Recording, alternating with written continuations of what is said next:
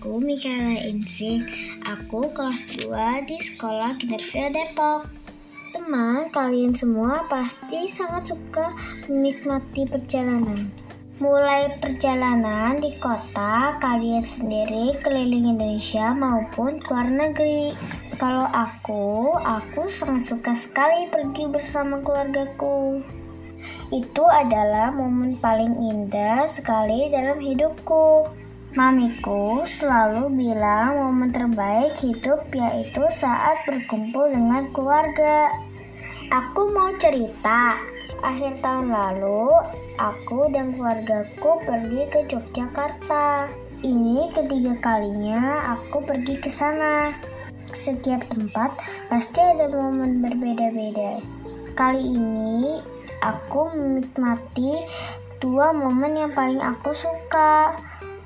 Yang pertama, lavatur. Wow, kamu tahu nggak teman-teman? Gunung Merapi indah sekali.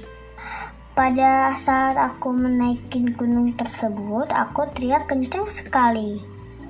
Wow, indah sekali gunungnya. Bentuknya seperti segitiga lancip dan sangat besar.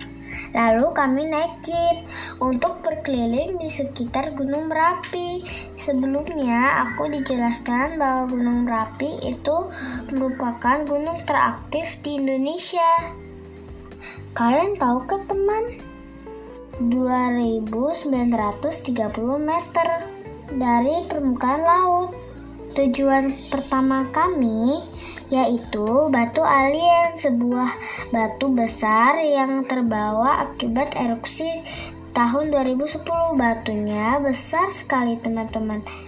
Tour guide-ku menjelaskan bahwa jika kita perhatikan batu itu terlihat seperti ada mata, hidung, bahkan telinga. Maka akhirnya penduduk di sana menyebut batu tersebut sebagai batu alien. Pemandangan di lokasi itu juga sangat indah. Wajib kalian datang teman.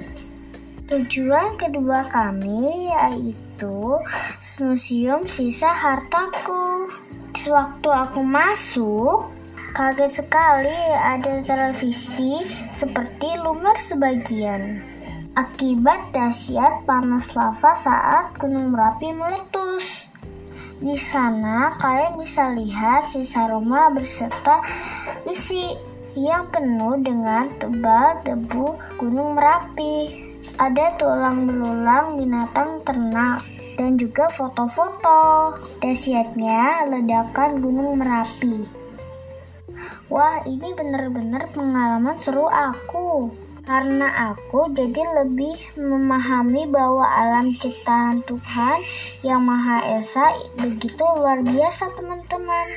Mamiku selalu bilang, bersyukurlah setiap kali kita melihat alam.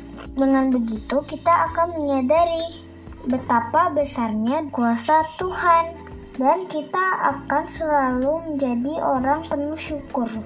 Oke, teman-teman, sampai jumpa di kisah perjalananku berikutnya. Having a good day, everyone. Bye.